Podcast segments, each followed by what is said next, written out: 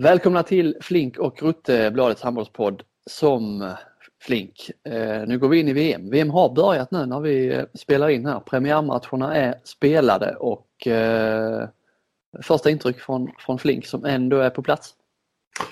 Det är väl att det var ojämna premiärmatcher. Kan man säga. Det får man väl lov att säga är väl egentligen, jag har precis kommit tillbaka här från, till hotellet från Royal Arena där Danmark, eh, det var ju framförallt första halvlek, 22-4. De gick från 8-4 till 22-4. Chile gjorde inte ett mål på 19 minuter och så blev det 39-16 till slut. Det är väl det bestående minnet mm. från den här. Jag tänkte vi kunde börja med lite, vi har ju lite annorlunda upplägg här nu de här eh, veckorna som, som VM kommer pågå. Eh, vi går all in på podden kan man säga. Ja, ja, absolut. Vi eh, har bestämt oss för att köra en podd varje dag. Mm. Har ni handboll-lovers. Inte några sådana här eh, maratonpoddar då utan vi kör som vanligt idag eh, kväll. Eh, och så kör vi, försöker vi hålla oss lite kortare eh, framöver.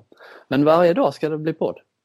På ett Tanken. eller annat sätt. Antingen eh, vi själva och du har lite träffar träffar mycket folk där så tanken är att man ska få lite eh, inblick i eh, ja, framförallt eh, ditt äventyr där nere från Danmark och så håller jag ställningarna här hemma. Ja precis. Det finns väl en idé om att försöka göra, kanske snacka med Bosse Materialare i landslaget och lite av de här, kanske lite folk i staben och och så runt om. Eh, snacka med någon av, det eh, finns ju några rätt hyfsade profiler här nere med Hellgren och Wislander och kanske kan bli en liten tillbakablick historisk i, i något, att vi har något sånt litet tema och sådär. Men försöka i alla fall. Tanken är väl att hålla oss till en halvtimme och att eh, det kommer ut Ja vad blir det? Vid lunch ungefär kanske varje dag. Ja. Ofta spelar vi väl in på förmiddagen då. Eh, eller eventuellt på natten där så att vi lite grann. Ta med oss någonting från eh, matcherna som har spelats, eh, tittar framåt och eh, klämmer in lite smått och gott. Mm.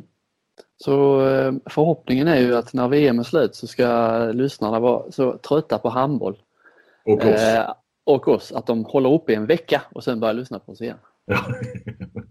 det blir inte någon semester efter det här racet? Nej, nej. nej, nej, nej. nej ja, vi, ja. Inte, inte som det känns nu, men det har vi inte börjat. Eh, bara så att eh, ni ska, eh, lyssnarna då ska liksom ha lite koll på var vi befinner oss i alla de här. Om man råkar lyssna någon dag eh, i efterhand och så här så har vi ett par eh, stående inslag som vi kommer ta med oss eh, varje dag i eh, podden under VM. Lite eh, inspirerat av eh, Offsides podcast som vi ju alla följde med stor glädje från eh, fotbolls-VM i somras. Vi gillar ju dem ju, för Flink. Ja, det gör vi. Det, det vet jag att du också Ja, absolut. Det är den podden jag eh, lyssnar först på när det kommer ett nytt avsnitt. Mm. Men eh, så de stående inslag, vi kan väl börja med dem eh, redan idag om jag ställer frågan vilket gruppspel är vi? För det är ju några gruppspel. Ja, vi är ju i det första gruppspelet. Ja, och, ja. Eh, ja. Eh, hur mår Kim Ekdahl Durier? Han har rasat lite. Ja, han har ju... jag tror han mår eh, ganska så bra. Eh, han har... Nu vet vi faktiskt inte, jag har inte dubbelkollat det, men att han skulle nog träna hela träningen. Jag vet inte vad det var för typ av träning heller idag i, i matcharenan. Igår var jag på plats i Halmstad och såg träningen och då var jag med på, inte på fotbollsuppvärmningen och inte på tvåmålsspelet. Men han har ju då som sagt, han, han eh, fick ju en smärta i foten i sista matchen mot Ryssland i söndags. Mm. Men eh, han säger att han, eh, han är redo för eh, premiären. Men han rasade mot experternas tips? Så. Du menar så? Jag trodde ja, han hade rasat lite i, i humör eller så. För Nej. att han eh, var småskadad. Alltså, han var lite, eh, lite bitsk. Han gillade inte att förväntningarna var så eh, höga på... Nej, han reagerade väldigt spontant får man lov att säga när jag sa det att eh, fyra av åtta experter eh, i den här panelen eh, jag eh, har inför VM eh, tror att Sverige tar guld. Och nej, det var, det var, han blev smått upprörd och sa att det är helt befängt och vad var det mer, det finns inte i, i, i min värld. att de förväntningarna finns. Alltså det finns väl i hans värld att de kan vinna guld, det tror jag. Men att ja, han, ville, han ville tona ner det och så. Ja. ja. Mm. Uh, har Makedonien fortfarande chans att vinna VM? Definitivt. Kanske, kanske de har den. Det, det, kan vara så att den största chansen är nu, eller vad, vad tror du? Innan de har börjat? Ja, nu har de enorma chanser. Eh, vi får se hur länge de, de har det. Men jag hoppas ju, Makedonien är ju ett fortfarande sånt lag jag, jag eh, känner lite extra för. Jag hoppas att de eh, kan vara ett sånt där lag som kan eh, skrälla lite. Frågan är ju bara om inte truppen är för tunn för att skrälla. Alltså nu har vi inte de här utslagsomgångarna heller så man kan ju liksom inte fixa en åttondel och så är man i kvartsfinal och då, då, då har man väl halvskrällt. Mm. Det, det, det, blir tuffare för eh, de lite tunnare trupperna att, att ta sig fram nu när det är mellanrunda istället. Eller håller du med? Mm. Ja, jo absolut. Det, eh, med det här upplägget, det är, de gör vad de kan för att minimera eh, skrällchanserna, de som lägger, lägger turneringen. Vi har ingen kvartsfinal men eh, läste man ÖJAs, Ystad-Allanda hade ju en liten genomgång med handbollsligatränare. Där var det ändå ett par stycken som trodde att det var kvartsfinal fortfarande. Du såg det? Jag såg det. Vad var det? Axner och... Ja, Axner och Stian Tönnesen trodde att Sverige skulle åka ut i kvartsfinal. Ja, eh. Och sen var det några som Ola Lindgren trodde att Tjeckien skulle skrälla och de är inte med. Och Tommy Atterhäll trodde på eh, Slovenien va? Ja. Inte heller. Jag, jag skrattade faktiskt, jag skrattade nu, jag skrattade högt när jag läste det.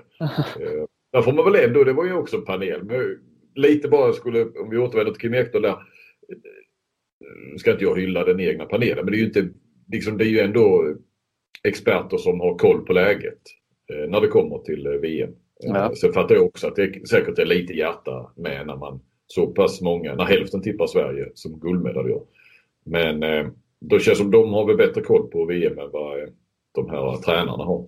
Ändå lite taskigt av den som har gjort enkäten och ringt de här och inte app, app, app, Lindgren, Tjeckien är faktiskt inte med. Nej. Men det, det, jag, jag undrar eller, eller liksom sådär och så dansar fingrarna över tangenterna att eh, nu så ska vi hänga ut de här, de har noll koll. Ja. Ja, det var kul i alla fall. Uh, vem är din guldfavorit efter kvällen? Eh, ja, det var faktiskt innan kvällen började var det Danmark och den blev väl inte mindre även om man kan, kan ju inte dra några växlar. Men det, de imponerade onekligen. Det var ju en perfekt start med inga nya skador och lufta hela truppen och så vidare. Vilken är din guldfavorit? Ja, eh, jag har ju egentligen Frankrike som guldfavorit och det, än så länge finns det väl ingen anledning att ändra på det. Tror jag. Nej. de har inte spelat än. Så. Nej, nej precis. Uh, mm, uh, vi kan väl uh, stanna där så länge så får vi se hur, hur de här frågorna förändras efterhand. Mm. Jag tänkte att vi kanske skulle prata lite om Sverige men prata om det genom att vi själva svarar på den där expertpanelen som, som du hade lagt upp för de riktiga experterna. Mm. Eh, och så ser vi lite var vi, var vi hamnar därifrån. Det låter väl okej okay, va? Jag är med. Eh, första frågan då, vilka slutar topp 4 i VM? Eh, vi kan väl börja med dina topp 4-lag. Då säger jag Danmark, Frankrike, Sverige, Tyskland. Tyskland? Mm. Jag tror de eh, blir ett av de där eh, lagen på andra sidan som, som eh, tar sig dit. Jag gissar att det har lite med hemmaplanen att göra? Eller? Ja precis, jag har nog haft Spanien fram till detta ögonblick. Nej men ikväll så, så här, man pratar runt lite och, och så. Jag, jag, tror, alltså Tyskland hemmaplan, Wolf, eh, vad är det, Heinevetter också va? Eh, mm ja, framförallt Wolf. Alltså jag tror att det är ju många bra målvaktspar där. Det är väl kanske Frankrike som inte har så starkt målvaktspar av dem. Norge har ju Bergerud men inte riktigt samma. Det är Espen bakom där. Men, eh, Spanien har ju jättebra målvaktspar. Har ju Sterbik väl också slänga in om det behövs. Mm. Eh, men jag tror, eh, nej men jag tror att Tyskland kan, eh, tror, eh, inte till final, men jag tror att de har, eh, nej jag tror att de tar sig till till semifinal. Mm. Och en bronsmatch. Ja, jag, jag, jag sticker inte ut med mina. Jag tror Sverige, Danmark, eh, Frankrike, Spanien. I den ordningen? Eh, nej. Eh, nej. I så nej, för jag tog den ordningen jag, jag tänkte. Alltså. Mm. Ah, Okej, okay. eh, ja, då tror jag ju Frankrike, nu måste jag tänka här. Eh, Frankrike, Sverige, Danmark, Spanien. Mm. Mm. Och det bygger på att Sverige eh, vinner mellanrundan. Ja. Och slår ut Spanien i eh, serien. De slipper Frankrike. Ja. Mm. Ja, mm, det, men det, så, det känns ju mm, eh, lag 1 till 6, 7 kanske. Eh, liksom det är rätt många som eh, kan vinna VM. Jag tycker inte Frankrike är lika stora nu vann de inte ens EM, vann det final senast men eh, man tror ju alltid att de är, man håller alltid dem som, som guldfavoriter. Jag kanske inte tycker att de är lika stora favoriter nu. Inte bara för att Karabatic saknas men för att de andra lagen ser eh, rätt starka ut alltså. Jag håller med dig helt. Eh, jag tror också mycket på Frankrike. Jag tror att de går till final. Jag tror att de kan faktiskt nästan må lite bra av att Karabatic inte är med. Lite så här Zlatan-effekt som svenska mm. fotbollslandslaget hade fast de andra spelarna i Frankrike är ju på en högre nivå än vad de svenska fotbollsspelarna i landslaget var, eller är. Eh, men med att fler tar ansvar, de är ju definitivt mogna för att ta ett stort ansvar där. Det är ju många världsklasspelare. Så jag håller med dig om att eh, Frankrike, och sen är det helt klart att där Frankrike har ju ändå varit den så här tydliga största guldfavoriten väl i tio år nu men de är inte riktigt det. Eh, och Danmark och Tyskland har hemmaplan. Så det, så, men det är, där är sex, sex lag av de fyra vi har vi har sagt samma fyra, eller fem har vi sagt va. Och sen är det mm. väl Norge också som ska med där och då kanske, kanske Kroatien ska utvidga det till sju. Men jag tror ju på de här sex och att vi hittar medaljörerna där. För sen tycker jag ändå att det är de, och där är det väldigt tajt mellan de sex. Men sen är det ett litet hopp sådär. Det är inget eh, Slovenien då som inte ens eh, som blir utslagna i playoff. Eh, ja, kanske skulle vara Kroatien, men det känns som Ja, tidigare har det varit, eh, det varit väldigt mycket Frankrike, Danmark, Spanien, Kroatien. Eh, Island har ju tagit några eh, skrällar mm. eller några skalper så här och där. De är med nu men de känns inte heller aktuella. Nej. Så att jag hoppas och tror att vi är rätt på det där. Vi är rätt så överens. Det verkar de flesta vara. Att det, det, det handlar om sex lag och där kan det gå nästan lite hur som helst mellan dem. Mm. Uh, vilket lag är din dark horse i VM? Ja, Tjeckien då. uh, nej, men det är väl svårt men och det blir ju konstigt. Nej, det är ju ingen dark horse. Jag är lite, skulle vilja säga Norge då. Va? Men, och jag tycker, visst har man väl som svensk en tendens att, eh, att underskatta norrmännen. Är det för att de, jag vet inte om vi varit inne på det tidigare, jag har pratat med andra om det i alla fall. Är det för att de känns som att det var, det var inte länge som de spelade i elitserien? Det, spelarna menar Ja precis, spelande. Det är inte liksom så skräckin eller så. Man kan ju bli lite rädd om man ska möta Frankrike i en avgörande match. Eller, eh, alltså det är inte samma respekt som det är för Spanien. Ja, men de Frankrike. känns mer mänskliga. Ja. Men jag vet inte om det är också att vi har sett dem där. Eh, det är bara ett par år sedan de var i elitserien. Björnsen och Sullivan. Mm. Bergaryd. Bergaryd, precis. Eh, nej, så att eh, Norge är väl ett dåligt så. Men om, och så just när det inte är utslagsomgång, det bäddar inte på samma omgång. Det bäddar inte på samma sätt. Det blir inga, det blir inga dark horse i, VM tror jag, men jag har ändå Kroatien som, mm. som en dark horse. Med. Jag tror att det kanske på den sidan kan bli så att eh, jag tror att Frankrike vinner den andra mellanrundan men att det eh, kanske kan bli lite lag som slår varandra där och att eh, det finns ändå en möjlighet. Jag har inte pratat så mycket om Kroatien, de brukar ändå vara med topp 4 diskussioner men eh, eh, Kroatien eh, ligger och smyger lite i vassen. Men det är ju en generationsväxling. Nu är ju väldigt många av de här gamla, Gudjun och Vori och Tjupic och Alilovic va, är, väl, är ju inte kvar. Tjerva är ju kvar ju. Det är väl många som ser det som kanske deras stora eh, brist. Horvat är med kvar. Horvat är kvar ja. ja, ja. Uh, ja, vi får se, det kan gå uh, ett totalt motsatt håll men man vet ju aldrig riktigt med, med Balkangängen där. Uh, börjar lite darrigt så kan det ju gå helt åt andra hållet. Det är då de börjar sitta i baren och röka på kvällarna. Klassiskt Vilka... om du frågar gamla Bengan Boys. ja. Vilka är Sveriges tre viktigaste spelare i VM? Jag tycker du ska börja svara på, så inte mm. jag svara på. Jag tycker att Jim Gottfridsson eh, rankar jag som ett. Eh, och sen har jag kollat då och du har ju tydligen godkänt då att man kan säga målvakterna. Mm. Eh, så de säger jag som nummer två. Och sen säger jag faktiskt Kim Ekdahl som nummer tre. Du är, du är ju rätt på det. Ja, jag skulle möjligtvis... Facit. Ja, precis. Rätt svar här kommer nu då. Då är det ett målvakterna, två Jim Gottfridsson och tre Kim Ekdahl eh, Nej, men det är målvakterna. Men, men visst, jag trodde jag skulle sticka ut hakan, alltså Kim Ekdahl Duré där som trea, men eh, det, det hade du också. Jag satt och lurade lite på Max Daj som känns som eh, eh liksom, han är väl försvarsgeneralen nu.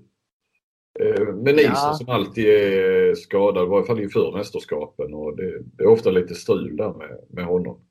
Varför, måste, är... varför måste vi ha en eh, försvarsgeneral? Nej visst nej, de är ju, de är, de är ju överskattade. Ja. Det ju ditt ja, men jag, ja, alltså, ja, jag gillar inte det. Jag tror de hade kunnat, eh, jag tror inte alls att Darj, ja, han är bra men jag menar, jag tror inte att det svenska försvarsspelet hade blivit, att det hade blivit katastrof om han hade inte hade spelat. Nej, nej. Man kan slänga in vem som helst där. Det är bara ren ja, vem som helst, men eh, det är bara känsla. Jag har, jag har liksom ingen fakta som uh, jag, kan bära upp detta med. Nej men jag eh, håller med dig då. Eh, som sagt vi landar ju då på Kim Ekdahl för att eh, inte minst bakåt. Ja. Tror jag. Alltså, han erbjuder ju, det blir ju rätt många sköna alternativ eh, Andersson får där på vänster 2 och vänster 3 inte minst nu då när, när Nilsson är, eh, är ett frågetecken. Eh, när det här släpps så vet vi ju då, eh, det är ju vid nio tiden här på fredag morgonen så, så, så ska, skulle de eh, lämna besked ju, vilka som, mm. det är då de skriver in 15 eller 16 spelare, vilka det är. Mm. Uh, ja, men jag, jag, tror han kommer bli viktig framåt också. Jag tycker man fick se lite, spelade inte jättemycket i de här matcherna mot Ryssland men uh, där fick man ändå liksom bekräftat att, uh, för man var ju lite osäker innan, vad är han i, vilken typ av form är han i? Uh, spelat så mycket i Paris och jag har inte spelat så mycket handboll överhuvudtaget de sista, de sista åren. Men jag tycker ändå han var imponerad där, verkligen. Och jag tror han kommer få spela, jag tror de kommer att eh, matcha honom sparsamt eh, inledningsvis men eh, när han fortsätter han som han gjorde mot Ryssland och, och levererar så så tror jag han kommer att bli första valet lite längre fram i turneringen. Och, därför tror jag han kommer bli ja, en nyckelspelare. Mm. Ja, men jag håller med där framåt också men de måste, de måste ju spara honom, spela honom sparsamt för att han, det känns inte som hans kropp. Nu var ju det här, det var ju något nytt. Han har ju haft, de flesta kroppsdelarna har ju varit skadade i höst. Och nu kommer en ny grej då här i söndags med mm. den här foten. Så att, samtidigt som han såklart måste spelas in också på något vis. För han har inte, det är inte många minuter han har gjort med det, med det här laget. Nej, nej. Men, men nej, det gäller att spela honom sparsamt. Hur ser din första sjö ut? Appelgren i mål. Tolbring vänstersex. Eh, Andreas Nilsson mittsex. Ekberg högersex. På 9 meter. Just nu är det ju Lukas Nilsson eftersom jag tycker att Kim Ekdahl ska sparas. Jag tror att det hade varit rätt bra för Lukas. Eh, han, han har faktiskt inte haft några kanonmästerskap eh, de senaste två. Eh, det har varit skönt att verkligen fått, fått igång honom och gett honom självförtroende. Jim Gottfridsson i mitten och Albin Lagergren högernio. Men kanske, jag ska inte säga att det här jag skulle säga att det är den bästa för som sagt en Kim Ekdahl som, som är igång och eh, hyfsat fräsch. Hade jag nog gått före. Du får honom eh, alltså det här, du slipper eventuella byten anfall försvar. Får en jäkla kraft i andra vågen också. Där är han ju faktiskt en av de bättre i världen. Kim Ekdahl. Han stegar förbi alltså han eh, jag gjorde en, en lite längre intervju med Anton Lindskog nu eh, han var hemma som, som publiceras någon gång här på lördag tror jag. De, han sa det, de satt mot Ryssland så satt de på bänken och snackade om att hur kommer han förbi hela tiden? Mm. Det, är, det är liksom en helt vanlig stegersättning. Det går inte snabbt. Det är inget speciellt alls. Men han kommer förbi hela tiden. Det, för det finns ju, finns ju större spelare än Kim Ekdahl som inte klarar av att göra det han gör. Mm. Ja, ja, han, han har något, det är liksom bara rakt pang på ungefär. Ja. Eh, det är imponerande. Jag har samma startsjua som, eh, som du har. Men jag hade ju Ekdal då. Om man ska mm. ta ut en sjua som, som eh, ska spela ja, en final. En final. Så, så är det Ekdal jag hade, jag hade haft där i nuläget. Men det är ju alltså på kanterna, jag menar det krävs ju att Tolbring gör bättre än annars så ska ju, tycker jag, Vanne ska in kanske snabbare än vad han kom in i EM som, mm. som första valet. Eh, Jerry fick sina chanser där. Eh, Zachrisson eh, är ju, alltså det är väldigt jämnt på kanterna.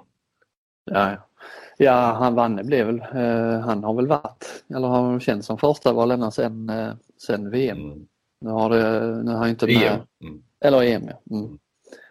Nu är han väl inte med alls i, i truppen nu i, när vi spelar in detta va? Han är på svensk mark. Ja, ja, nu, ja det är han ju. Men eh, jag vet inte om de, det ska bli intressant. Nu vet man ju svaret då. Men, intressant i detta är också för vi pratade i, i den mixade zonen idag då, det var en pressträff som blev i den mixade zonen.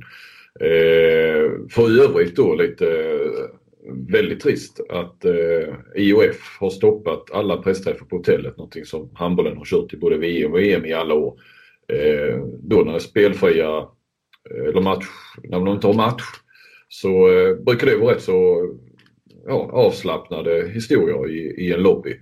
Mm. Men eh, har stoppat det så att det enda alternativet är nu att man när de ska träna då en, en spelfri dag så, så blir det en halvtimme i den här mixade zonen i arenan då. Aha. Och eh, det, det, är faktiskt inte alls bra men det ska vi inte hänga Wander eh, utan det är IOF som har verkligen ställt till det. För att Ja men det blir ju, så, så blir det ju idag då istället för att vi har en, en halvtimme, timme på hotellet. Så stod man där i mixad zon och då någonstans går ju både vi och spelarna in i alltså mixad zon-mod på ett annat sätt. ett annat snack ja. Ja, man står där vid en reklamskylt. Eh, så nej. Du hade ju eh. annars ett, kan vi ju peta in, du hade ju annars ett, var det på, du hade ett snack med Jim Gottfridsson där och fick lite inspel från, från andra håll också. Var det på, det, det jag gissar att det inte var i någon mixad zon då? Nej precis, det var ju pressträffen faktiskt i eh, förra veckan då ju den första, ja den pressträffen de hade i Halmstad ja. Du tänker på den. Eh, eh, jag skulle intervjua Jim Gottfridsson ja och eh, innan vi ska dra igång så börjar ju av någon anledning han Martin Bokvist som står liksom på andra sidan den här lobbyn i stort sett och så Kim Andersson någonstans mitt emot förbereder sig för en tv-intervju. Då börjar de käfta och, och tuppfäkta som flest, eh, vem, vem, som har flest eh, titlar och lite andra meriter. Vi kan ju, vi kan ju lyssna på det för jag drog igång då. Det hade redan pågått där i kanske 10-15 sekunder eh, innan jag fick igång bandspelaren. Ja, ja vi, vi kör igång. Lyssna på lite jargong i landslaget. Det är så här det låter. Mm. Alltså, han har ingen, han har ingen MVP i någon mästerskap. Straffa. Va? Straffa. Ah. Uh, I semifinalen ja. Straffa där också var det. Jag vill bara säga OS 2012 var jag MVP. Var det? Ja. Ja, vad fan var bra. Det var en gola sådana lag som var med då eller? Det var SM-guld har du. Ah, SM-guld. Kalle Anka-ligan. Danska ligan Danska... Ja, bara ett. Jag med. Ni? Va? Va? Vad skulle du Vi har två ihop Ja, du har varit jätteduktig i din karriär Kim. Ja, det, det, det, är inget, det är inget eh, mixad, mixat zonsnack direkt, det hör man. Nej precis. Va? Men det jag skulle säga var ju idag då eh, så, så frågade vi Christian Andersson om det kan bli så att man skriver in bara 14 spelare. Med tanke på att Jesper Nilsson då eh, känns osäker och Campus Wanne var då kvar i Sverige med feber. Men då berättade han att eh, skriver du in 14 spelare till första matchen så får du aldrig bli mer än 15 på hela VM. Nej. Vilket är ju jättemärkligt. Nej. Så, uh... Så du, du måste låter skriva in dumt 15. att skriva in 14 då ja. Ja, ja, du måste ju skriva in 15 för att du ska åtminstone kunna bli 16. ja. Eh, så att, eh, ja, det, som sagt, ni vet ju facit nu när ni lyssnar på det här. Eh, nästa fråga i den här expertpanelen var vilken svensk spelare får sitt stora genombrott eller tar nästa kliv i VM? Ja, va, vem har du där då, Robin? Ja, alltså eh, ingen. Nej. Finns det ens en enda spelare som kan få ett genombrott som inte har fått det? Ja, men häng inte upp dig på genombrottet. Ta nästa stora kliv. Mm. Alltså på något sätt så eh, skulle man väl ändå vilja säga, eh, alltså kan, kan man säga Lagergren eller han har redan gjort, tagit det klivet? Jag ser, eh, jag ser ingen annan egentligen. Eh, Lukas Nilsson om han, om han får göra ett bra mästerskap möjligen. Eh, Att han visar att han kan göra det på mästerskapsnivå Ja, också. precis. Han, ju, han är lite ojämn i kill men han har ju några otroliga matcher emellanåt där. Ja. Sen är det ju alla de, det är ju etablerade spelare så i, i, i världstoppen får man väl säga vid det här laget. Men visst, om vi tar nästa kliv så eh, landar jag nog på någon av de två. Max Dai, försvarsgeneralen. Mm. Det tror inte jag men eh, Nej. Nej, men kanske ändå kan... eh, ja. ja, jag säger Max Dai. jag såg att det var några som hade sagt det med i, i din panel. Mm. Eh, Linus Arnesson var det, var, var det Magnus Gran som sa det. Det hade man kunnat säga om man hade trott det. Mm. Eh, ja, det var kanske bara Per Johansson som tog sa Max där idag. Ja, var det. Ja visst, nej, jag köper det. Mm. Vem blir hela VMs kung? Ja, jag skulle ju säga Mikkel Hansen där för jag tror att eh, Danmark tar guld. Det är på hemmaplan. Eh, Danmark har aldrig tagit ett, eh, faktiskt ett guld i VM och vunnit OS och, och EM två gånger. Eh, annars egentligen Sanders Augustsson är väl världens bästa spelare just nu men eh, om man inte har tippat Norge i en semifinal så är det svårt att bli eh, VM-kung. Mm. Jag tycker nästan man ska ha eh, VM-kung, då måste man i alla fall spela en final. Ja. Eh, jag ser inte att Frankrike, jag tror jag petar in Kim Ekdahl här också. Mm, mm. För att han blir någon slags tunga på vågen där eh, om, eh, i semifinal och i mellanrundan. Jag tror att han, eh, och så har han varit, eh, det är en profil som det har, det finns eh, historier att skriva. I svensk press har det kanske skrivits de historierna men på internationell nivå så tror jag att eh, gör han ett riktigt bra VM så kommer han liksom att eh, lyftas fram och få, få en annan typ av uppmärksamhet. Det finns eh, många eh, internationella medier som inte har plockat upp eh, riktigt lika mycket om, om honom. Kolonistugan. Och, ja, precis. Ja. ja. Nej, det har du nog rätt i. Eh, absolut. Jag tror att du kan nog få en del frågor om Kim, vad han, hur han är och vad han har hittat på och varför han eh, har gjort som han har gjort. Oj, kanske man får sina 15 minuter i rampljuset. Ja, I ARD, tyska ARD, något sånt här. Statstelevisionen. Nej, det tror jag ju verkligen inte. Det bara en reflektion eh, då från den här expertpanelen som vi hade i Sportbladet eh, när de tog ut start, eller första sjuan. Eh, noterade du att sju av åtta hade ju då Andreas Nilsson som mittsex. mm. En hade Jesper Nilsson. Jag noterade eh, först, jag tänkte inte på det när jag läste, men jag såg att du eh, twittrade någonting om det och då eh, log jag lite för mig själv. Juba Moranjes är ju då den enda som har Jesper Nilsson och man kan ju, jag drar ju kanske en liten halvhyfsat rät linje mellan den uttagningen och Andreas Nilsson som väl kom, eh, ja, var rätt var väl indirekt rätt så mycket kritik mot Vranjes när han har fått sparken från Veszprem. Mm. Indirekt får man lov att säga för att han, han pratar egentligen bara om hur bra han trivdes under den nya tränaren och, Mm. och så. så. Sen, sen tror jag kanske lite att det också, eh, Vranjes gillar ju tvåvägsspelare. Mm. Eh, jag tror inte att, eh, jag tror kanske att det är ömsesidigt det här med Andreas Nilsson och Vranjes. De, eh, eh, deras handbollssyn klickar kanske inte riktigt. Nej, Nej det, det, det kan du ha rätt i. Och jag menar, det är ju ingen... Nu, nu blev det så tydligt. Det hade ju kunnat vara fler som hade sagt Jesper Nilsson också. Det är ju inte... Det är ju inget, det är ju inte jätteskillnad på det viset. Alltså Andreas Nilsson är ju bättre offensivt definitivt. Men om, om du slår ihop hela paketet så, Herregud Jesper Nilsson var ju eh, All-Star Team eh, EM senast. Mm. Eh, ja, eh, en annan eh, en annan grej som vi ändå måste eh, nämna. Du har ju gjort lite intervjuer här, en lång dräpare med Kim Andersson. Eh, hur, eh, hur var det?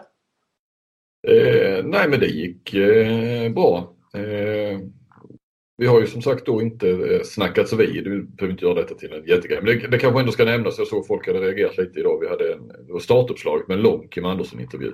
Mm. Eh, och eh, jag hade ju 20 minuter med honom pressträff, eh, pressträffen i Halmstad eh, i förra veckan och eh, kände liksom där, ja, vi hälsade och god fortsättning och sådär och så tänkte jag kan inte ta upp det här med eh, lögnen. Eh, för att då, då, har jag 20 minuter och jag vet att det var jättemånga andra som skulle prata med honom så, eh, så kommer vi att viga 10 minuter av den tiden till, till det. Kanske till och med 20 minuter eh, i värsta fall. Så att eh, vi körde igenom eh, intervjun och eh, sen gjorde lite andra intervjuer och så fick jag ett läge när han eh, var klar med de andra intervjuerna så eh, stoppade jag honom och, så, eh, och kollade av lite. Och han Nej, han eh, ångrar inte att han ljög. Han sa att jag skulle ju inte ha svarat. Han såg att det var jag som ringde. Eh, för hade inte förklarat varför han ändå svarade. Det var liksom att ja, men jag tog upp telefonen och liksom nästan orkade trycka. Eller, jag vet inte riktigt. Det, det, så var det väl inte kanske. Men eh, det sa han. Men annars så, nej. För honom, det, han sa att jag är ju bra på att ljuga tydligen. Notera. ja. Eh, ja, sen var det väl inte eh, mer om det egentligen. Och eh, Sen så var det ju efter eh, eh, sista matchen mot Ryssland då i söndags.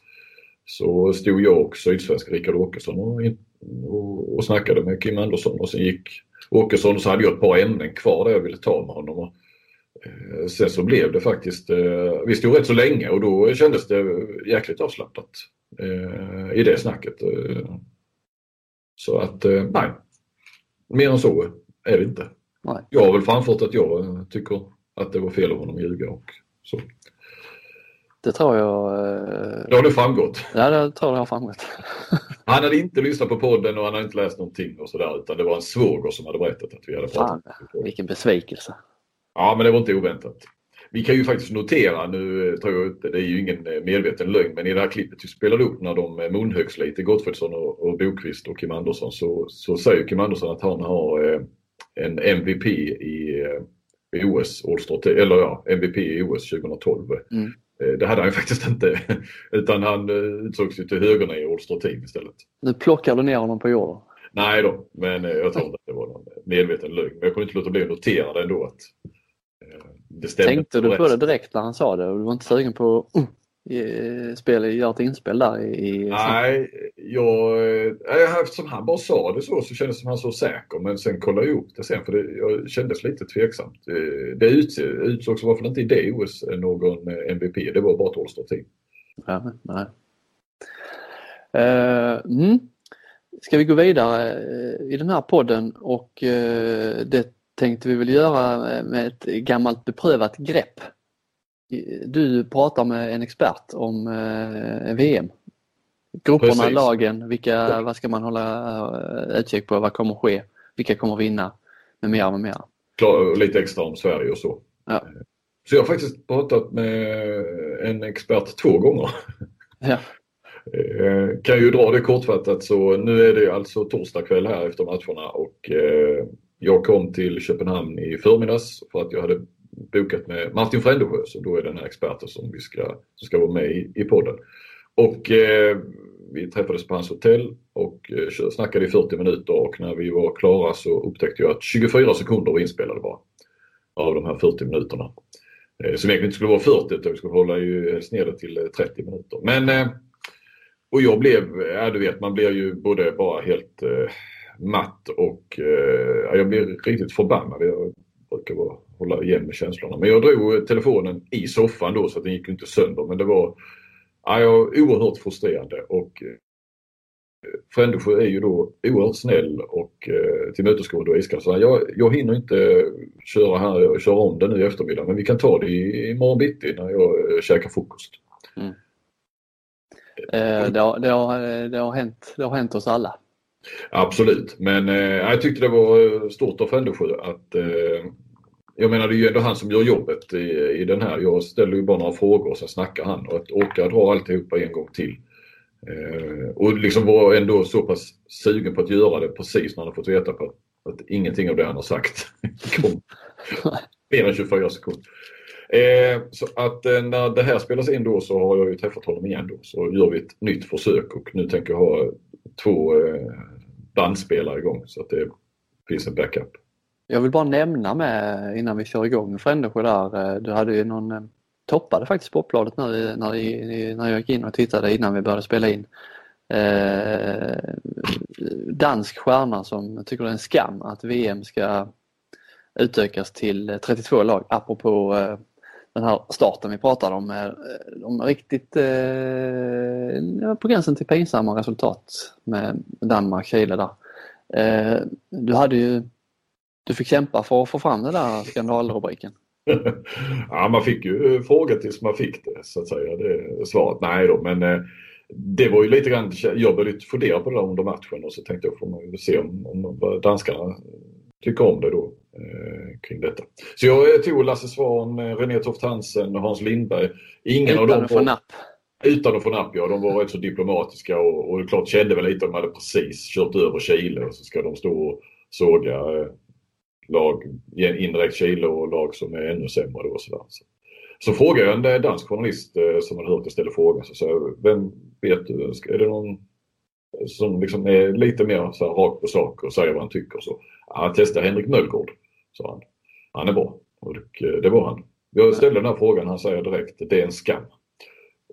Så att, eh, ja, då var den hemma. Sen kollade jag lite med, med några experter också. Så där var de, ja, de tycker väl, de har inte lika starka åsikter så men eh, ja, Ja. så, så, så går det till ibland. Men det Ja. kan jag nog stå för. Jag, det hade ju blivit, alltså hade man frågat 15 spelare och den 16 det säger detta då, då, då, då har man dragit det lite långt. Va? Men det kändes ju också som att de här danska spelarna jag frågade innan de, de tyckte nog lite åt det hållet som Möllgård. Kanske inte ordvalet så skam men att det inte är bra att utöka ett 32-laget, det blir fel. Men de vill ju inte säga något. Nej. Och med det så lämnar vi väl över till Frändesjö då. Ja, Jag Martin Frändesjö, nu sitter vi här morgonen efter de första VM-matcherna har spelats. Eh, vad är dina intryck från gårdagen? Kort. Eh, kort Danmark eh, körde sin match hela vägen från start till mål. Såg jättebra ut även om Chile inte är något lag som kommer vara mer uppe. Så hade de koncentration hela vägen in till skillnad mot Tyskland som som nog inte fick den starten de hade velat ha ändå. Visst, de vinner med 11 mål mot Korea. Det är nog jättebra, men det... Ja, jag, jag vet inte hur den presskonferensen såg ut, men Prokop har ju faktiskt fått, har haft det ganska tufft oavsett hur det har gått i matchen nu se- efter senaste mästerskapet. Så Eh, Tyskland har mer att bevisa även om de vann klart. Eh, det flöt inte på alls på samma sätt som gjorde för Danmark som såg fantastiska ut. Men som sagt var, det, de mötte ju lag som inte kommer vara med upp. Du har eh, kollat in lite med regeltolkning och sånt här inför Ja, VM. mm. Eh, vad kan du säga där? det är väl egentligen samma regler bara att de ska vara tydligare och, och vara mer uppmärksamma på saker och ting som att de ska ta snabbare två minuter framförallt och inte hålla på med tre gula kort innan det händer någonting. Och det, det såg vi väl första matchen igår att danskarna, Gerding och tappade jag efternamn på den andra. De var ju mycket mer på än vad den andra matchen var och hade väldigt mycket utvisningar. Eh, och utvisningar är väl ingenting. Det var väl tveksamheter med de röda korten där, eller det röda kortet. Men det jag ändå tror vi kommer få se det är att, i alla fall initialt är det så i alla turneringar, att de brukar vara väldigt tuffa de första matcherna. Och sen får man se vilken väg de tar, om det kommer tillbaka till hur det var förr eller om det blir något mellanting eller om de fortsätter på den här nya linjen. Eh, det är väl bra att det är schysst spel men vi ska ju inte tappa alla kampmomenten som jag tycker någonstans är intressanta. Men sen är det alla de här passivt spel, det är ju väldigt mycket bedömningar på domarna som är svårt för alla tycker jag att- att veta vad det är som gäller. Så det är, det är mycket att hålla ordning på och domarna tror jag man kommer komma tillbaka till en hel del under turneringen. Ska vi gå igenom på klassiskt vis eh, grupp för grupp och höra vad eh, expert Frändesjö har att säga. Ja, vi kan börja med grupp A då. Eh, Brasilien, Frankrike, Ryssland, Serbien, Korea och Tyskland då. Eh, börjar vi bakifrån så tror jag Korea kommer landa eh, längst ner där. Eh, de är på pappret det svagaste laget och vi såg igår att de, de kommer få tufft. Eh, sen blir det lite lurigare.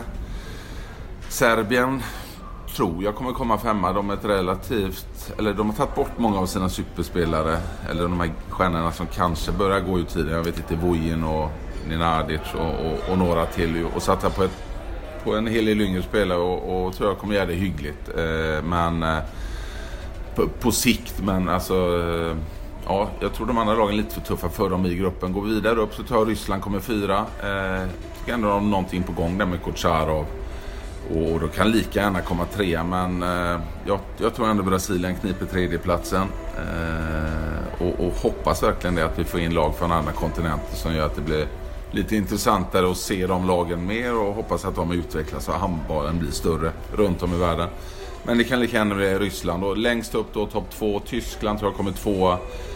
Eh, jag tror de får svårt att rå på Frankrike. Inte bara för att gårdagen inte såg så super, super bra ut. Det kan säkert bli mycket bättre men jag, jag tror Frankrike är alldeles för starka där helt enkelt. Även om Karabatic inte är med som, som har varit den stora profilen och som gör att när han inte är med i det här mästerskapet så sprids favoritskapet ut på en mängd olika lag. Hade han varit med så hade de varit eh, favoriter tror jag. Nu är Danmark favoriter. Det hade de kanske varit ändå men Karabatic har sånt symbolvärde tycker jag inom handbollen. Så jag tror Frankrike vinner enormt material. Eh, bra spelare överallt. Högernia-positionen, mittsexa-positionen. De har så mycket spelare så det... Det kommer väl att bli eh, dicka med en del på mittnio där just för att få plats för alla de här fantastiska vänsterhänta spelarna. Ja, det är väl nog en lösning. Jag vet inte hur mycket de har tränat in. Det är fortfarande väldigt, vad ska man säga, eh, svårt att se den lösningen att den är permanent. Den, I och med att den oftast sker som en överraskning. Men eh, de har bra andra. De har Maé som kan vara hur bra som helst. Och de har Niklas Claire von Lahn som jag tycker är en utpräglad mittnia som verkligen kan ställa, styra upp spelet på ett annat sätt som, som Karabatic inte gjorde. Men det som blir intressant det blir ju när det verkligen ska avgöras. För eh, innan så landar ju mycket av ansvaret på Karabatic tycker jag. Eh, eh framåt. Eh, och sen är han ju tung bakåt också. Men de, det de har tycker jag med alla deras niometerspelare. Alla är bra fram och bak. Det är inte många länder som kan ställa upp så mycket niometerspelare där de inte behöver byta. Så ja, Frankrike ser väldigt bra ut. Som vanligt. Vi går vidare med Grupp B. Mm, grupp B, ja då börjar vi bakifrån där också och ja, kanske lite knepigare där. Bahrain eller Japan tror jag är de lagen som kommer vara bland de lägre. Eh, Bahrain bättre, absolut bättre än vad man tror. Eh, Japan tror jag, eller tror jag, de satsar ju på OS på hemmaplan där och har ju värvat in Dage Sigurdsson efter han hade gjort de här fantastiska framgångarna med Tyskland. Och det är ju... Eh, han har ju varit där innan i och för sig så det kanske var naturligt att de försökte få han. Eh, de har väl inte fått att lyfta än. Men det har gått lite, lite bättre att göra sista tiden. Så det kanske kan hända någonting. Men får svårt att säga att de kommer vara med i toppen i OS. Men de två lagen tror jag hamnar där i botten. Sen kommer det vara ett krig mellan Island och Makedonien tror jag om tredje och fjärde platsen. Där ändå Makedonien får, råda som favorit. De har ju Raúl González där, eh, PSG-tränare, så jag tycker det är fantastiskt. Och de har ändå ett ganska bra lag, alltså sin startsjua. Men sen om de ska byta för mycket eh, och är ju beroende av Lazarov givetvis, som har varit med hur, hur länge som helst. Så kan det bli knepigt om de får skador där. Det är en lång turnering. Men eh, jag tror de klarar tre, tredjeplatsen. Island fick ju en tung skada på på Gudi Wallace Sigurdsson här. Eh, även om han kanske inte är en ledande spelare i, i, i spelet så är det en som alltid gör mycket mål. Håller inte spelet men är ju vänsterkant och en, en, en, en suverän sådan och har gjort 1800 mål landslaget. Ja. Det är helt galet. Så... Han har väl världsrekordet tror jag. Ja, det, det, det, är jättetungt för dem att han inte är med. Eh, så nu vilar ju det ännu större ansvar på, på Palmarsson. Men... Island ja. är inte riktigt där nu. Jag vet inte. De har väl lite underifrån om jag har förstått det rätt som kommer. Men, ja. men det är inte riktigt det här Island som man ändå brukar för några år sedan nämndes de ju ändå som ett Nej, eh, precis. lag som- Nej, som nej, men om, om, om några år eh, eh, så, så, så kan det nog lyfta igen om tre, fyra år. Men då får man ju hoppas att en sån som Palmarsson är kvar eh, och, och kan, kan hjälpa dem. eh, För, för det är ju, de har ju ingen på den nivån och har ju inte haft det på... Ja, om de ens har haft det. Eh, så nej, det blir, eh, det blir en kamp med Makedonien. De kan absolut slå Makedonien. Eh, definitivt. Men jag tror Makedonien nyper den platsen. Och sen i toppen, jag tror Kroatien kommer tvåa. Eh, även om de, eh, de går verkligen under radarn här och inte många snackar om dem. Eh, de har ju bra lag och, och, och kan verkligen överraska. Eh, Ja, det är väl första gången sedan eh, ja, VM 2003 va? Eh, som, som de inte nämns som, som en sån här given semifinalkandidat tror jag nästan.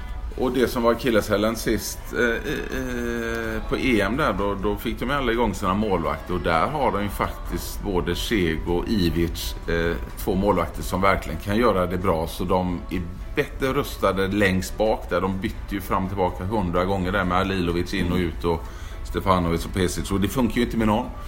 Så får de lite träff där. Sego har gjort det jättebra. Så ehm, kan de absolut vara med och leka med Dovnjak och Sindrich. Det är ju superspelare. Eh, så spännande med Kroatien.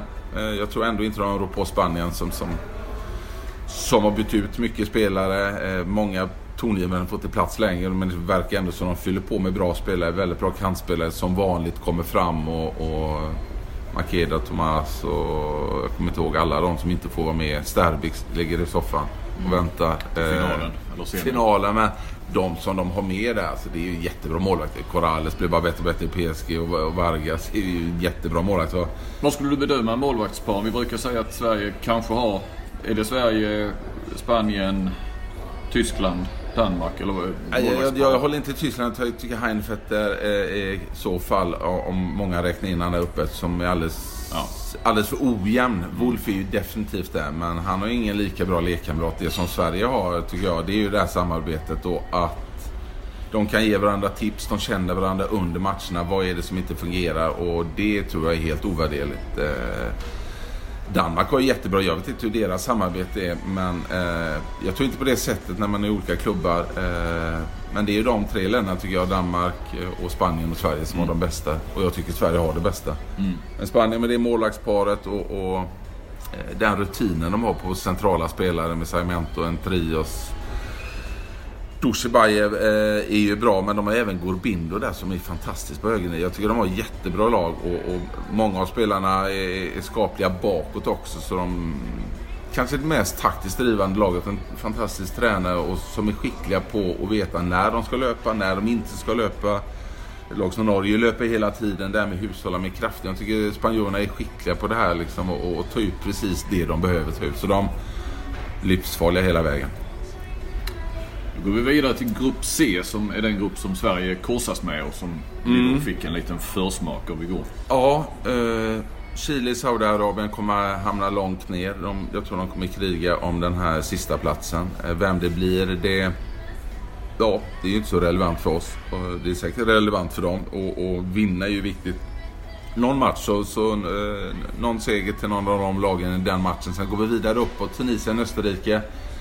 Ganska öppet. Eh, två olika kontinenter igen. Eh, Ett, ett fysiskt Österrike mot ett, ett ganska innovativt Tunisien. Så, eh, Tunisien som också är ganska fysiska. Så jag tror Tunisien ändå löser den tredjeplatsen. Eh, Visst och- vill man lite, om jag går in och avbryter. Man hoppas ju alltid lite på de här lagen utanför Europa.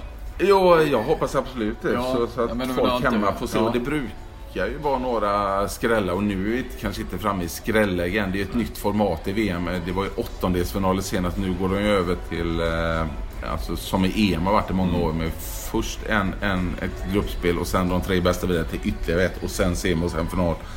Minskar ju chansen för skrällar kan man väl säga. Ja, det minskar ju chansen för skrällar att gå hela vägen till semi. Men det de vill åt är ju att turneringen ska leva så länge som möjligt för så många. Så att Ja, och inte minst för Tyskland och Danmark som åkte ut lite väl tidigt i Ja. eh, senaste Ja, ja, ja. till exempel. Du får dem Men nu läste jag på TV2 i morse om det nu är klubbat och klart. Det här med att det ska vara till och med kvartsfinal nu nästa gång i alla fall. Så då, då är det lite mer utslag. Och de matcherna vill man ju också åt. Även om de finns inbakade i en huvudrunda här eller main round eller vad det är. Mellanrunda eller vad är det man kallar det?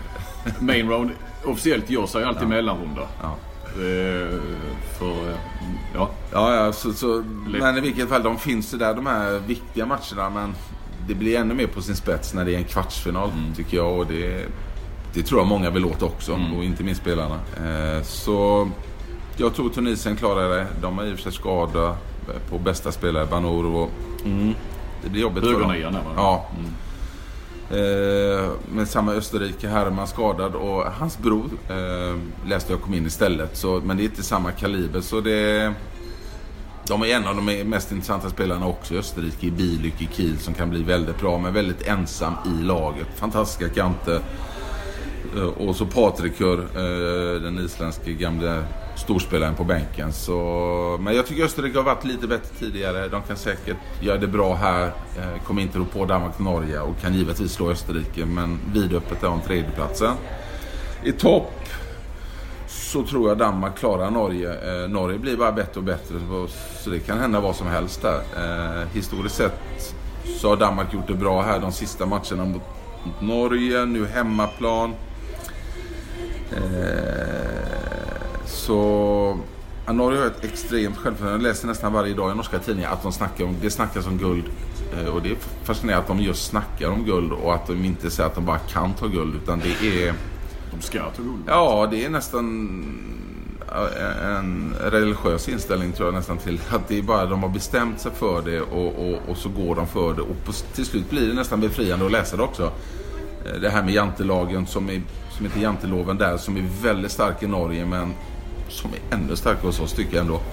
Så, eh, men där är det ingen jantelov i det laget. Utan de, går för, de vet ju att de är bra, det är de ju. Och Sagosen är bäst och han var först ut tror jag också var den som sa att eh, vi ska ha guld.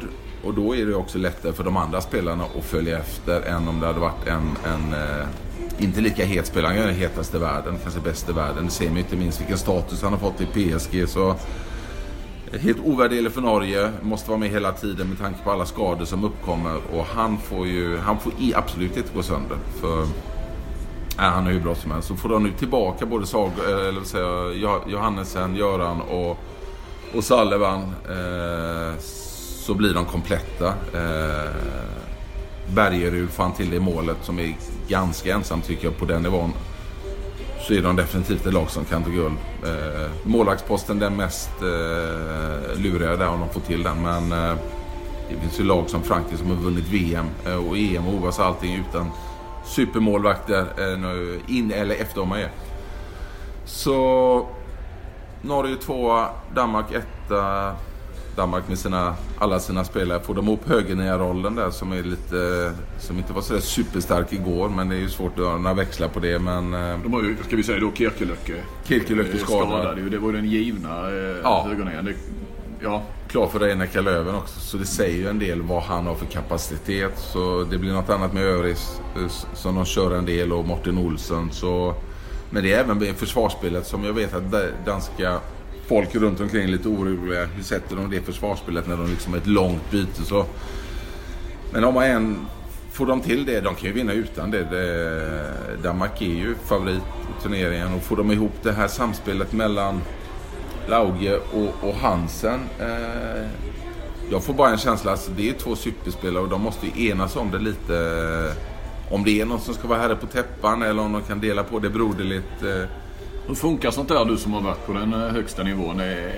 Det är olika olika länder. Det är mycket större hierarki när man är på östsidan upplever jag. Och när jag exempelvis var i Minden och det var Dushibajev och, och då är han där uppe. Då är det ju liksom, då går det ju eh, ganska neråt. Och det, det är ju svårt för tränare ibland också att bryta in på vissa saker. Men i våra länder tycker jag här uppe då är det ju eh, då är det ju Nikolajs jobb och Nikolaj har ju säkert stenkoll på det. Men eh, ja, det är väl ändå egon vi pratar om. De är på den yttersta nivån, de driver sina lag. Och då vill de säkert definitivt driva sitt eget land på hemmaplan till den här titeln. Eh, Får de det samarbetet ihop så blir de ju ännu bättre. Jag tycker inte det var hundra senast. Eh, Lauge var ju fantastisk där i många matcher och Hansen hörde jag också under turneringen när jag snackade lite med vissa experter i Danmark att han hade stora problem i knät. Nu ska det tydligen inte alls vara lika allvarligt och, och vi såg ju igår vissa saker han gör. Alltså, som är helt omänskliga. Så det, ja, det blir spännande att se Danmark. De har ju bra spelare även bakom de här eh, supergubbarna. Så Danmark etta, Norge tvåa, tippar Tunisien trea. Men det är många sådana här 50-50 lägen på tredjeplatsen i alla grupper nästan. Med, jag ser Brasilien, Ryssland tror jag kommer göra upp om det. Jobbo trodde Serbien, eh, Ryssland igår när vi eh, var i sändning. Han har ju lite svagare band till sina Balkanbröder. Och det, jag håller med dig. Man vill ju ofta Serbien för det är något fascinerande med dem. Men de har inte fått till det på många år. Så eh, det kan säkert gå hur som helst i, i andra grupper också. Men det är vad jag tror. På tal om Mikkel Hansen så, och Nikolaj Jakobsen så såg jag här nu dagen, dagen eller två dagar före premiären igår så hade Ja- Jakobsen sagt att eh, jag ska inte lägga någon press på Mikkel men jag har aldrig sett honom bättre. På några träningar där eh, som de hade spelat. Nej, alltså när man såg igår, alltså, jag tycker ofta så med att han ser ganska... Alltså, inte superfokuserad men när han väl kopplar på den tiondelen och gör de sakerna han gör så ser nästan... Ja, det ser, det ser så lätt ut och det går så snabbt och skotten är så hårda och det är som precision i allting så... Det måste vara underbart att ha en sån spelare. Eh, är ju inte lika fysisk som Lauge när han kommer i sin andra våg som han kanske är bäst i världen. Jag snackade med Jobbe om det igår också. När man sätter han en mot en. Det, jag vet inte vem som ska kunna stoppa han där. Så de har många vapen. De har ju sina kontringar. Jag tror de första tio målen går var nio kontringar. Och så när det går bra för Danmark då ser det riktigt bra ut. Men det här med kontringar och hemliga, alla är ju pålästa på det. Så, så de, de bjudningar de fick igår, det, det finns ju inte när de möter de bättre lag. Och så har vi Sveriges grupp, grupp D. Ja, eh, börjar bakifrån igen. Eh, jag tror Angola blir ohjälpligt sist i den gruppen. Eh, Argentina med lite skador. Eh, framförallt på sin stora spelare Diego Simeone som faktiskt var most value player i Final Four-slutspelet. Det är liksom svårt att greppa det. Att en argentinsk spelare får den rollen när Montpellier vann i, i våras här så... Eh, jag tror mycket tack vare det, men de har bra andra att de inte kommer bättre än femma. Och sen är det en kamp mellan Egypten och Qatar, så den matchen tror jag blir extremt häftig att se. Jag har sett Egypten nu faktiskt en hel del de sista dagarna här och kollat på videon när de mötte Ukraina och andra lag här inför. Jag tycker de ser intressantare och intressantare ut. VM 21 i Egypten. Eh, har en högernia Khalid på gång som ser jättebra ut. Eh, Stor, två meter, genombrottsskott utifrån och övriga niometare också intressanta.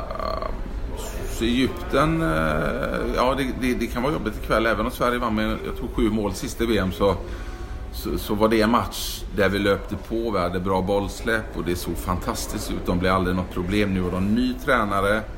Då hade de den förre mittsexan, kommer inte ihåg vad han hette, Egypten som drev dem. Nu är det Davis. Spanjoren ja. Eh, Spanjoren som har ju, ja, eh, Som från pastorskola och sen har varit med Raúl i många år i Varda och nu står han första gången på egna ben både i Vesprem och här. Så det blir intressant att se. Men jag tycker de spelar mycket mer strukturerat, chansar inte lika mycket och, och allt har blivit mycket mer uppstyrt. Så eh, Samtidigt så tappar de ju det här oförutsägbara lite tycker jag då när de, när de blir lite mer hållna inom ramar. Men alltså, jag tror det är en lurig match ikväll. Eh, Sverige kommer säkert vinna den men en första match mot Egypten, ja det, det, det är ingen mjukstart. Men de siktar längre fram. De har mycket unga spelare nu. Så även om det inte går superbra i detta så har de ett VM på hemmaplan nästa gång och där vill de nog gå långt. Så det är spännande lag. Qatar med Balero och Rivera på bänken. Kan gå hur som helst om tredjeplatsen där. Jag tippar Egypten, det kan lika gärna bli Qatar men eh, ja, jag fick en... Jag har fått en god, god känsla på Egypten för, för deras skull så jag tror de kommer trea. Och sen tror jag Ungern kommer tvåa, även om Ungern är väldigt mycket upp och ner inför, men har ett lag som jag läste också i norska tidningar att Norge är ju livrädda för Ungern. De vet att de kommer möta Ungern och det är en jobbig motståndare. Jag tror många tänker så om Ungern. Får man Ungern på fel dag när de är, är rätt balanserade så kan de slå de flesta lagen. Men sen är de ju väldigt svaga också så de är väldigt mycket upp och ner men har ju ett jätteintressant lag med Banhide på linjen, kanske en av världens mest intressanta linjespelare. Kan nog bli bästa. Och Bordo på vänster nio, bara 25 år. Kan bli en av dem. Jobbo sa ju själv i sändningen igår att han tror att han kan bli bäst i världen vänster. Fruktansvärt skott. Ja, brett i banan liksom. Sådana här skott som man inte, som Lagergren och Kim kanske inte möter så ofta. En spelare går upp så brett och så bara skjuter han nästan sönder allting framför sig. blir intressant hur Sverige agerar när, när Sverige möter Ungern och så. De är leka i barlag och, och men deras akilleshäl det är väl Mickler i mål. Kan han få till det, ja då blir de riktigt jobbiga att möta. Så, men Sverige tippar de etta, vi var inne på det innan. Målvakterna, samspelet, eh, otroligt bra. Eh, bästa paret tycker jag i turneringen. Eh, bra kanter, spelar ingen roll vem som spelar. Så har någon en dålig dag så kan vi slänga in den andra som gör det jättebra. Så bra kantspel. Mittsexorna är lite sådär Darj väldigt bra defensivt, Nilsson väldigt bra offensivt, Jesper Nilsen bra fram och bak. Så en liten kombination där. Där får man ju bestämma hur, hur många byten vi ska ha ibland. Eh, om inte då Kim Ekdahl, Dure som har kommit in som spelar vänstertrea som gjorde fantastiskt bra första matchen. Är lite sliten. Så de får nog balansera hur mycket de spelar. Men om han inte spelar och vi vill ha Andreas Nilsson framåt då får vi kanske två byten. Och det är inte alla lag man hinner med att göra det och då kanske man inte hinner med att kontra också. Och det som har varit så bra de sista turneringarna det är kontringsspelet. Så väldigt mycket hänger ihop där så man får göra avkall någonstans. Eh, fantastiska högernior, Lagergren, Kim Andersson. Det är, det är svårt att... Om vi har haft så bra någon gång. Alltså Lagergren går jättebra. Kim Andersson ser ju, ser ju fin ut. Gottfridsson ovärderlig framåt. Arnesson med i All-Star i Bundesliga. Och så alla de här vänsternierna med Kim, eh, Ekdal, Duré, Lukas Nilsson, kanon i Kiel. Hoppas han får det att lyfta lite mer i landslaget. Och, och Jeppsson blir nästan som en liten joker där. Jag vet inte hur de ska använda honom men eh, känns ju som att han, i alla fall inledningsvis, är en spelare som kan komma in och göra saker som i och för sig ingen annan kan och göra mål från 11 meter. Så vi har väldigt många olika varianter på, på vänsternio som kan gör att vi kan eh, passa in mot olika motstånd. Så, och så Christian blir varma och varma i kläderna. Och, ja, eh, så här förspänt tycker jag det aldrig har sett ut eh, för svensk del. Eller aldrig att ta i, men så, sån här bredd, sån här konkurrens hela vägen ut i 16 spelaren. Eh, vet jag inte jag har sett tidigare. Nej, inte ens under Nej. din tid, i, eller din tid, men under Benga Boys. Ja. ja, alltså då hade vi superspelare, men då kanske vi hade Ja, vi hade Wislander, vi hade Andersson, Jobbo, Lövgren, Lindgren, och vi hade Staffan och, och, och supermålvakter. Eh. Så, men jag tycker det kanske var 8, 9, 10 spelare. Men nu är det 16 spelare som jag tycker att vi håller hela vägen ut. Så... Men det är svårt att jämföra. Det, det här var ju ja. superledare på den tiden mm. i sina klubbar. Eh, Wislander i Kiel och Staffan och, och, och Lövgren, alla de var ju Eh, så, och målvakten och allting där. Men eh, det finns väldigt mycket paralleller eh, i alla fall med, med, med när det gick väldigt, väldigt bra förr i tiden. Bra, då eh, ser du några eh, orosmoln i, i Sverige? Eller är det någonting som... Eh, jag vet att vi har pratat lite tidigare om eh, att du vill att de ska gå mer rakt ja. på mål. Lite så. Ja, alltså det, det såg man inte minst att Ryssland har läst in och Kucharov läst in och inte minst Shiskarov, eh, högerkanten och Diberov. Det här med att vi är ju kanske det laget som som är bäst på att spela bollen tycker jag och, och verkligen försöka lura motståndarna att vi släpper en passning istället på ett, på ett skott. Och går det till överdrift då, då blir det jobbigt för då eh, mot Ryssland tror jag de faktiskt hade fler eh, passningsmissar från sina ytternio eller mittnio än skott på mål utifrån. Eh, sen var det en hel del skott innanför 9 men om vi hela tiden ska springa och söka passning så, så tror jag det kan bli ganska jobbigt eh, om det, mot bra lag som läser in detta. Vi vill ju liksom locka ut dem och sen släppa passning och få då öppna upp på olika ställen bakifrån. Och, Jämför du med Barcelona fotboll? Ja, när de kom fram Barcelona fotboll då var det fascinerande. Då gick det ju jättebra. Ja, Guardiola, till, ja, men till slut blir det ju det här att det bara gick i, i sidled nästan. Mm. Och, och, men inte gick i djupled. Och, så vi får, får inte glömma av det. Och jag är helt övertygad om att de har snackat om och efter matchen mot Ryssland var en perfekt match. En ganska dåligt genrep men de såg också vad de måste rätta till. Så Alltså, de, är, de är ju på det klara på detta. Eh, men när det här spelet stämmer då är det väldigt svårt att, att, att, att alltså läsa Sverige. Ska alla spelare ha det här i sitt DNA upp i luften, släppa vidare. Lagergren fantastisk, Kimmy fantastisk, Lukas har blivit bra på det i Kiel. Eh, Simon Jeppsson trots att han är storskytt har bra blick. Gottfridsson jättebra. Och även Arnesson. Förmodligen Kim också det, men Kim har ju något helt annat som ingen annan har. Nästan hela turneringen. Om han är fräsch och vi sätter han en mot en oavsett vem det är. Så kan han bara springa rakt igenom och det tycker jag är så häftigt att se eh, när han gör det. För det, jag såg mot Ryssland.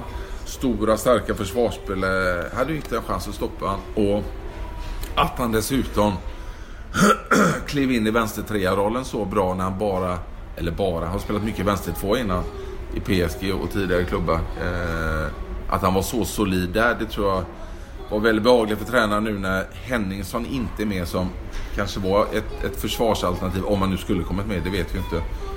Så Kim Ekdahl är lite, känns lite som den här X-faktorn som vi inte hade tidigare på samma sätt. Eh, eh, många, eller många, vissa har ju snackat om att man rubbar en balans när man gör om det här laget från EM. Men då får man också se att Jakobsson var ju med, kan inte vara med idag tyvärr. Och, eh, utgick ju där i, i, och då är det väl helt naturligt att man kan fråga Kim.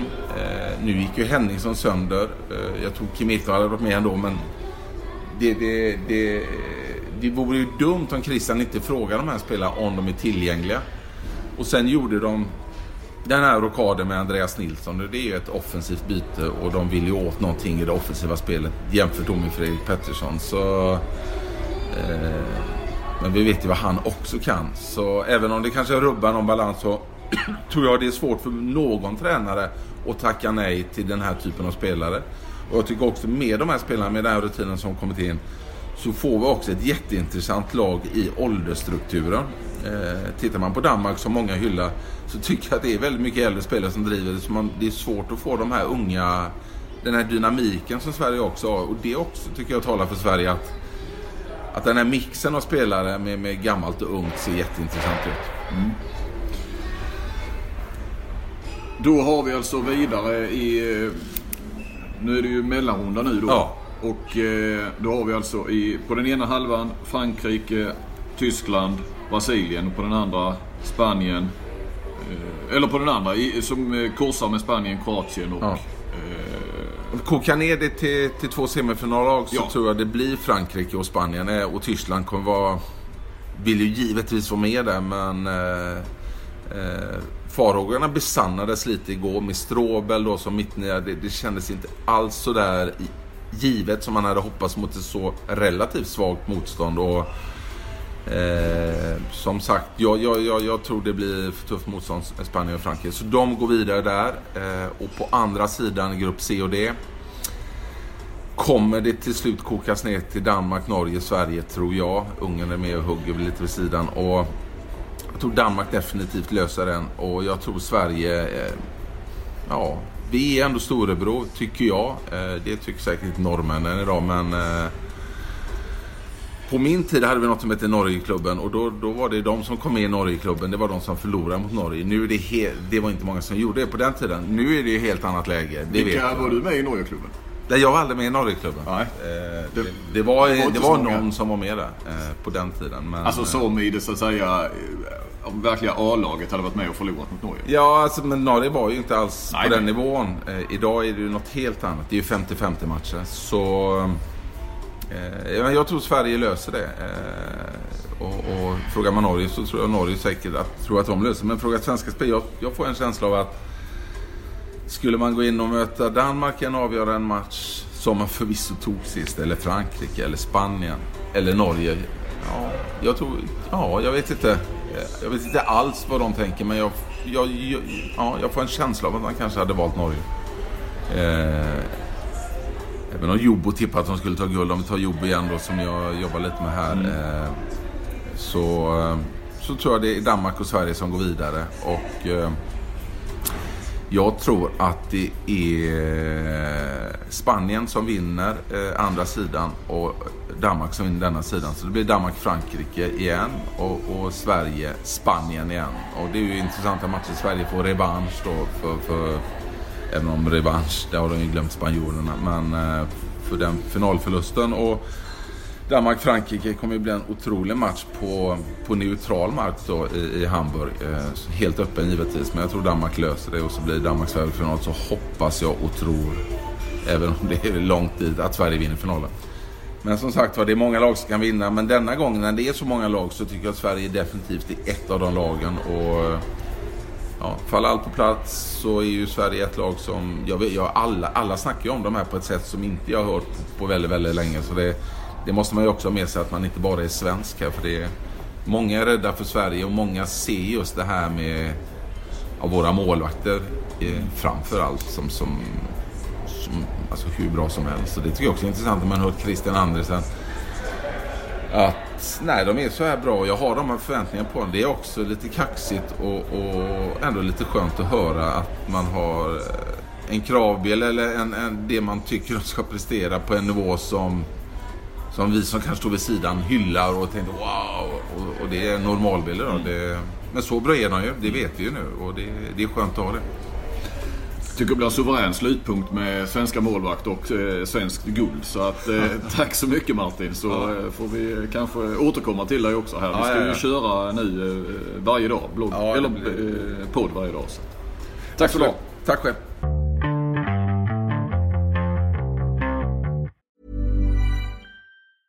Hey, I'm Ryan Reynolds. Recently, I asked Mint Mobile's legal team if big wireless companies are allowed to raise prices due to inflation. They said yes. And then when I asked if raising prices technically violates those onerous two year contracts, they said, What the f are you talking about, you insane Hollywood ass?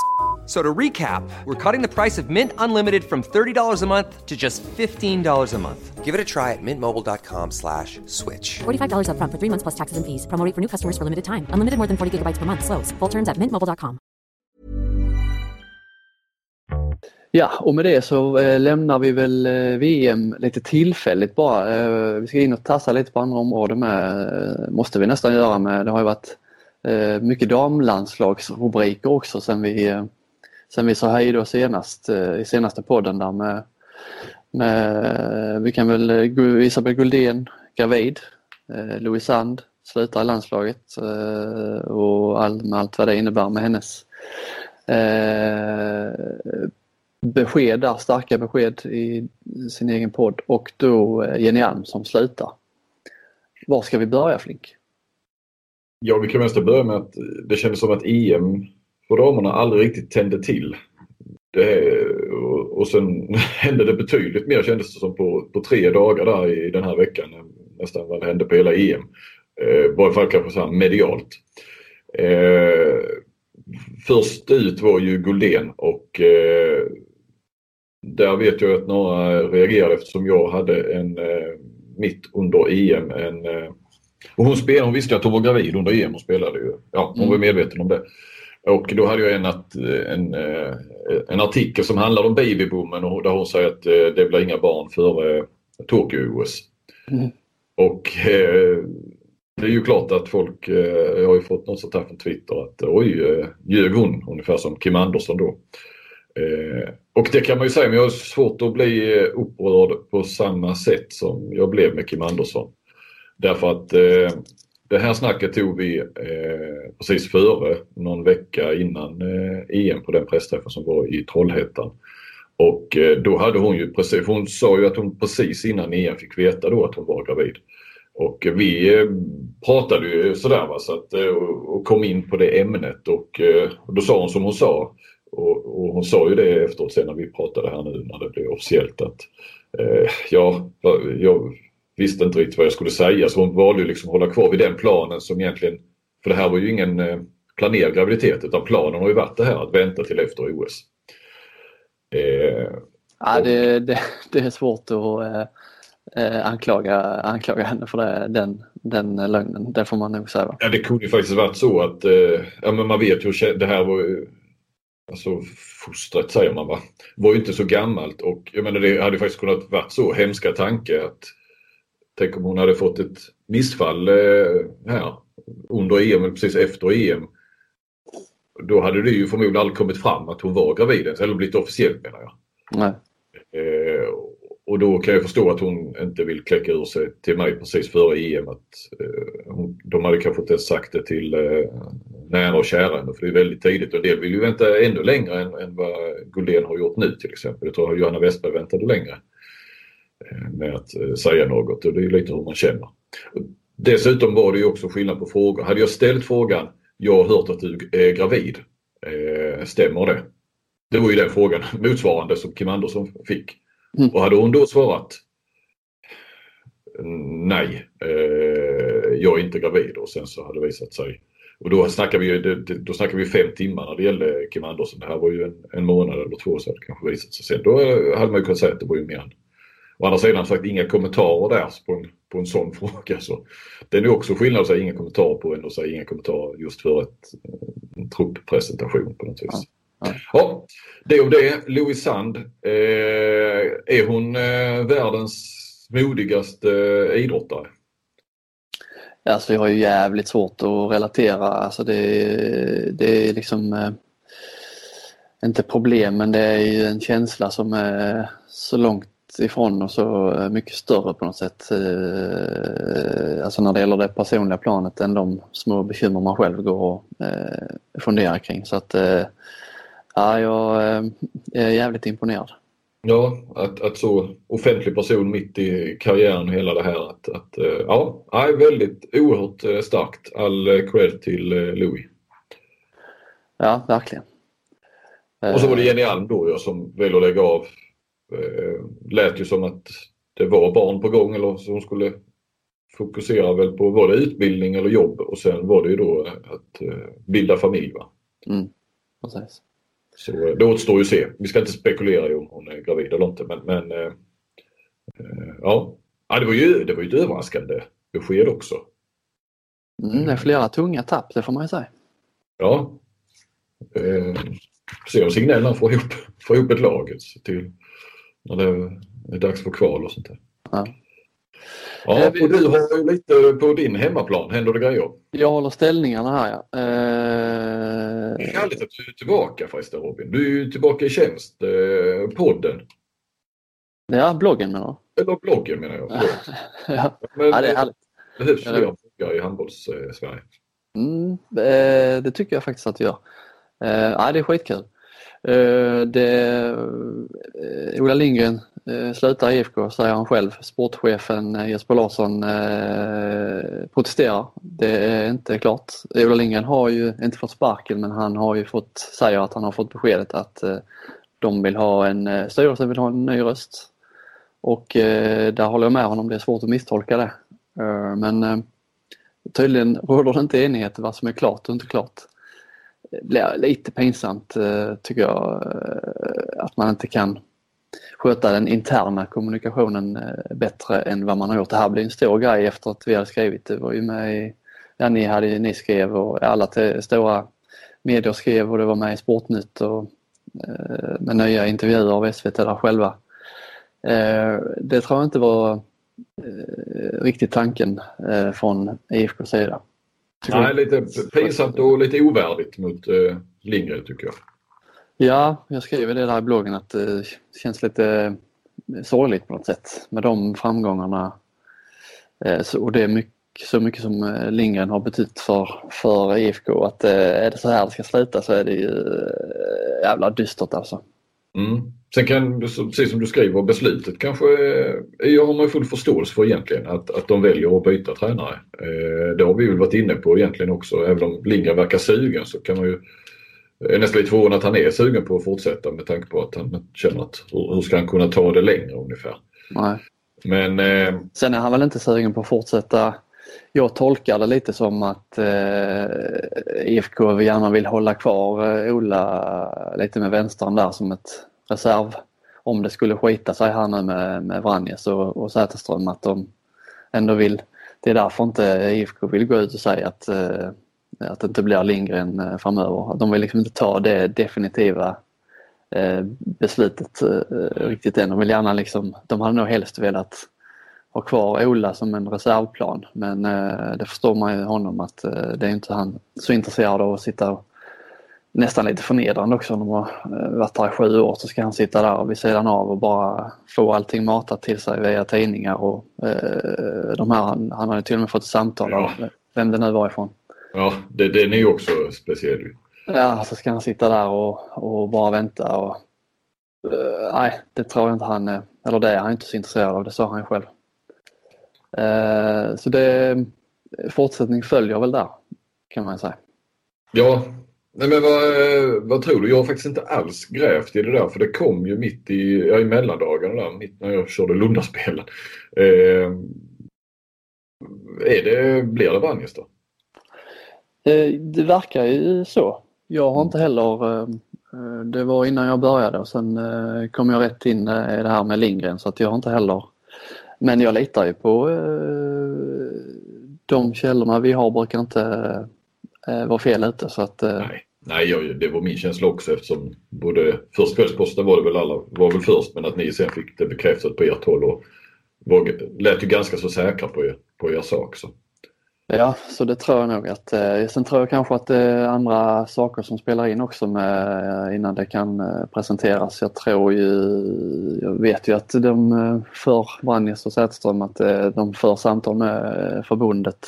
Eh, så att, att det kanske är en landslagsdeal som, som eh, spelar roll där innan allting kan eh, låsas eller vara i hamn. Ja, okej. Mm, mm, Eh, det är väl det jag kan säga. mm. Ska vi bara avsluta med det här lilla som jag la ut ikväll med eh, delegat, eh, Ja. delegatgaten. Absolut. Pio Björk, Mats Nilsson, två uppskattade, två av de mest rutinerade domar, eh, inte domarpar för de dömde inte ihop, men domarna vi har, eh, har i det här landet. Eh, sparkas, kan man säga, Som delegater va? som delegater. Ja. Mm. Ja, den grävde du fram här nu i, idag. Ja, kanske inte hamnar på läsartoppen men ska berättas ändå. Ja. Fick lägga ner rätt mycket tid gissar jag. Det är sån här man måste ringa många samtal. Och Ja, och så vill man gärna inte bara höra ena sidan. Nej. eh, ena sidan eller andra sidan. Man kanske har lite eh, bakgrund från andra personer också som inte eh, nödvändigtvis behöver uttala sig. Eh, nej, men den bilden man får det är ju att eh, de klickar inte direkt. Björk och Mats Nilsson klickar inte med domarbasen där, Henrik Mäkinen. Eh, det står ganska klart eh, efter det här. Eh, det är ju Mäkinen och domarkommittén som har tagit det här beslutet. Inte någon riktig motivering har varken Nilsson och Björk fått och jag fick väl inte det heller direkt när jag pratade med Mäkinen. Nej. Ja, det händer, händer grejer. Det är klart att det är du som gräver fram de här delegat och domare eh, affärerna. Någon måste göra det. Ja, Även om måste man göra inte det hamnar på topplistorna. Ja. Grovjobbare. ja, precis. precis. Ja, är vi får se vad det leder till. Eh, Det brukar vara det skvallras mycket och det sprids snabbt och det finns starka viljor så att eh, jag tror inte att eh, sista ordet är sagt. Ja, det tror inte jag heller. Vi får eh, hålla koll på Kristianstadsbladet. Det är där det händer. Ja, precis. Du är flink fan, nu har vi hållit på länge. Ja, men det har vi. Och eh, då laddar vi väl för eh, svensk VM-premiär. Det gör vi. Måste säga att eh, så här kittlande har det inte känts inför ett mästerskap på oerhört länge tycker jag. Med Nej. Sverige och Jag håller med. Är, vi är i Danmark, Tyskland. Det är liksom nästan det mest, näst bästa man kan vara efter att, att det hade varit i Sverige. Ja, det är ja, roligt med fullsatta hus. Tråkigt med premiärmatcherna men eh, det kan ju bara bli bättre efter eh, det här.